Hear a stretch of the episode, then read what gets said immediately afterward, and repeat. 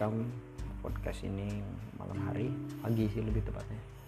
Jam 3 pagi karena gue gak bisa tidur ya gue coba untuk uh, ngeluarin apa yang ada di kepala gue gimana puasanya? Moga-moga lancar ya. Kali ini gue mau bahas satu tema uh, yang mungkin uh, teman-teman semua juga sering rasain atau sering alami ya yaitu tentang gimana cara orang memandang seseorang atau gimana cara kita memandang atau dipandang dari sudut pandang sosial media. Nah, kegelisahan ini gue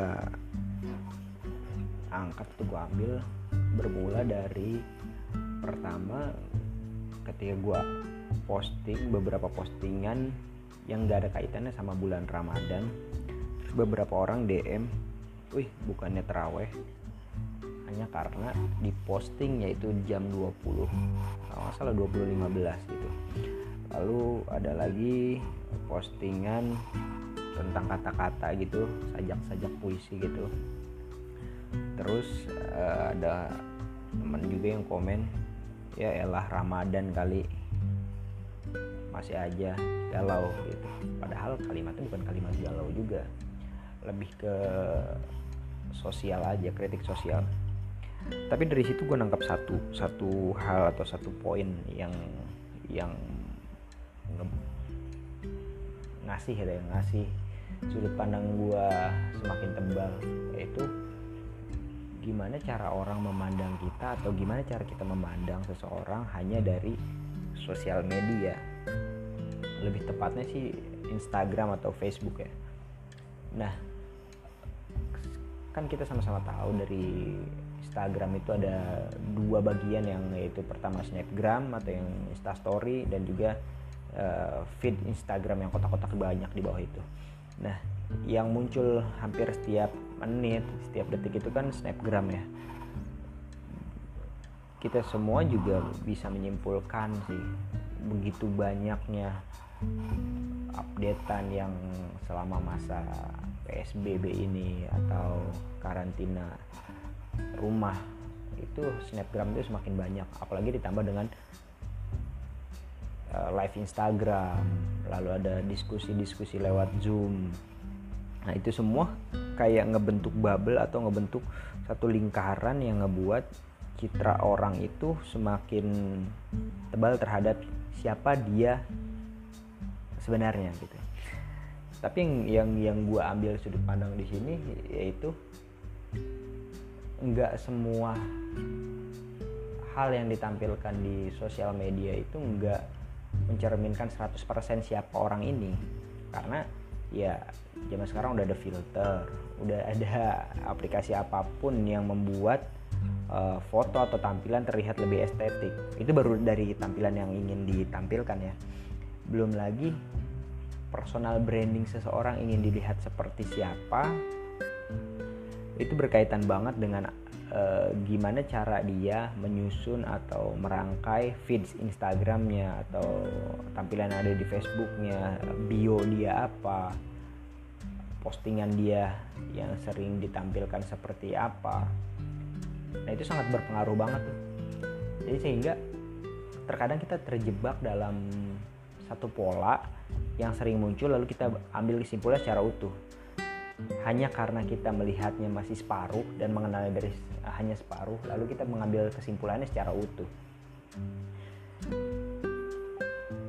Ini bukan hal yang salah uh, bisa juga benar tapi uh, zaman sekarang kelihatannya untuk mengenal seseorang melihat men-scroll dia dari Instagram ya dari Facebooknya dari updatean dia setiap hari mengenal orang tuh masih dalam kata satu kotak itu aja gitu.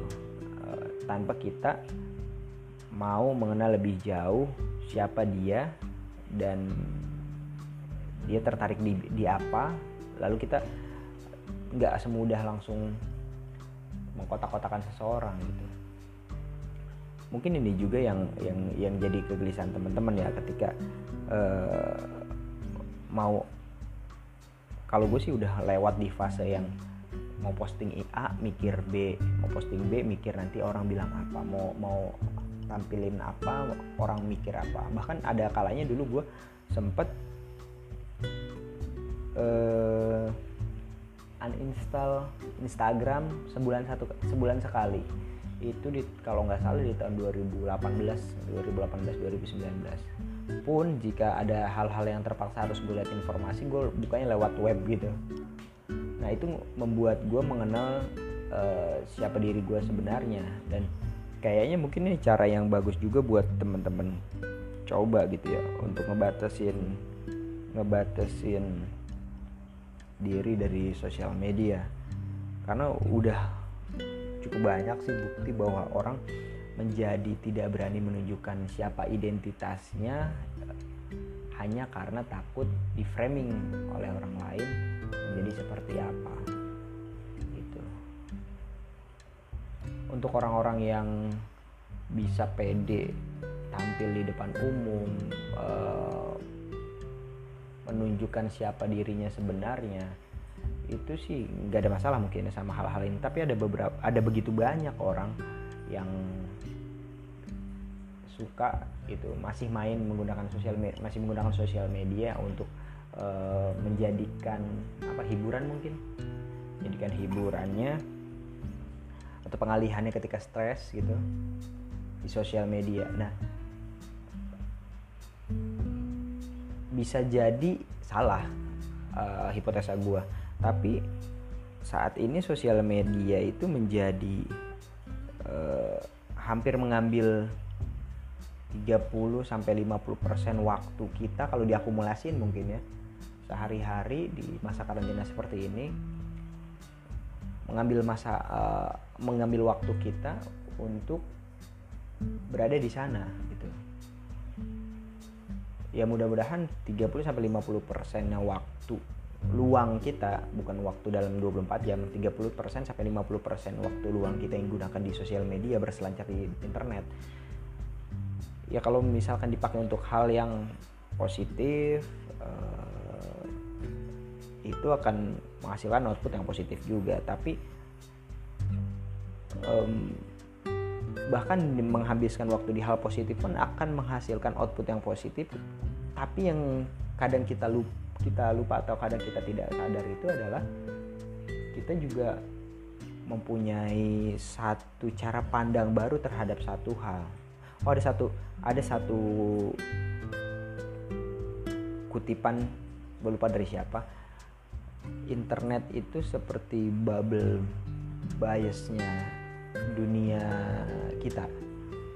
Jadi ketika kita berada atau kita siapa yang kita follow dan kita likes itu akan membuat orang-orang atau karakter-karakter yang serupa yang akan lebih mendekat kepada kita.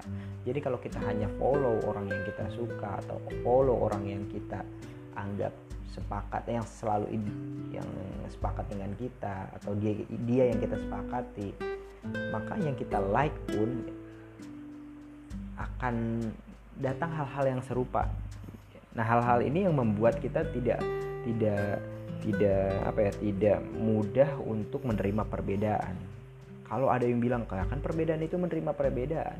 Lalu kenapa nggak mau mengenal orang lain secara lebih dekat ketika kita mau menerima perbedaan? Ya tapi kan dia e, berbeda pandangan ketimbang gua e, berdebat akan menimbulkan permasalahan lebih baik gua ya udah nggak aja. Nah itu mah bukan perma bukan bukan persatuan. Justru ketika kita kita ketika kita mengkotak-kotakan seseorang dari yang kita suka atau yang tidak like and dislike aja itu malah justru membuat orang yang kita anggap dia nggak sepakat sama kita mereka malah mengiyakan bahwa ya udah memang mereka memang kita itu nggak uh, bukan termasuk uh, orang terdekatnya gitu. Yang mana nggak salah juga sih.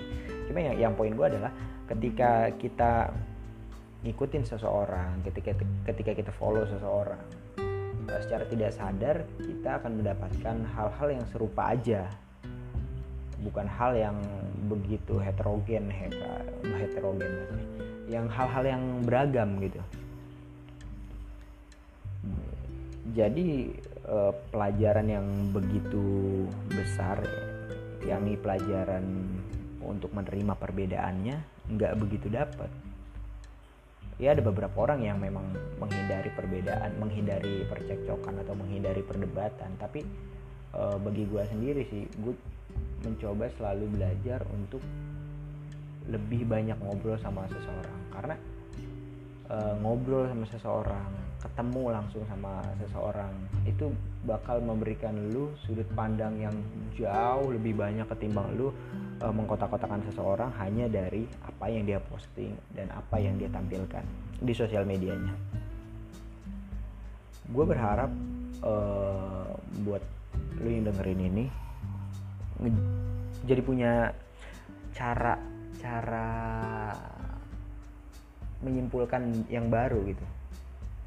Dan sadar lebih tepatnya sih. Dan sadar bahwa ini tuh nggak 15 detik yang ada di Instagram 30 detik yang ada di status WhatsApp atau tampilan yang ada di Facebook dan sosial media lainnya itu nggak menampilkan secara utuh siapa seseorang ini sebenarnya. Ada kutipan gini jangan mengambil kesimpulan yang utuh hanya dari informasi yang setengah. Nah, kuasa apa lu untuk mendefinisikan seseorang, beranggapan seseorang itu seperti A ketika lu mendapatkan infonya atau datanya hanya setengah? Kuasa apa lu untuk e, bilang dia tuh seperti ini ketika apa yang lu lihat itu hanya 15 detik, 30 detik, kuasa apa kita. Nah jadi untuk ke depan supaya kita lebih lebih bisa matang dalam bersosial media mungkin kita perlu melakukan validasi atau mempertimbangkan lebih banyak hal gitu sebelum kita menyimpulkan gitu. Uh, belum lama gue pernah gue pernah tulis di Instagram gue gini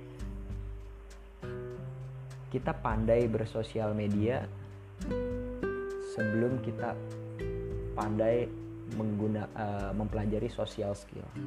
Jadi sebelum kita menggunakan sosial media uh, dengan berbagai macam aplikasi yang ada, hal yang harus kita punya itu adalah social skillnya dulu, kemampuan untuk bersosialisasi secara nyata di dunia nyata gitu.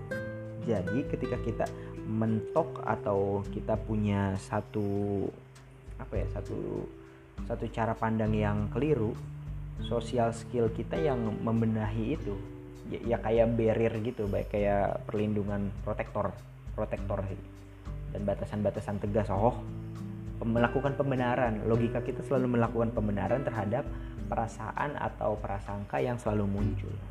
Gitu sih. Bagus tuh.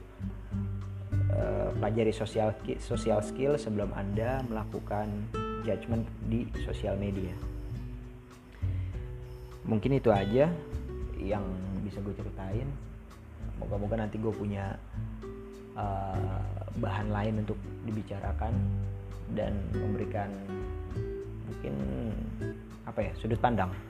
Sudut pandang baru buat teman-teman buat lo buat gue khususnya untuk jadi pengingat gue kita ketemu lagi di sesi selanjutnya Thanks.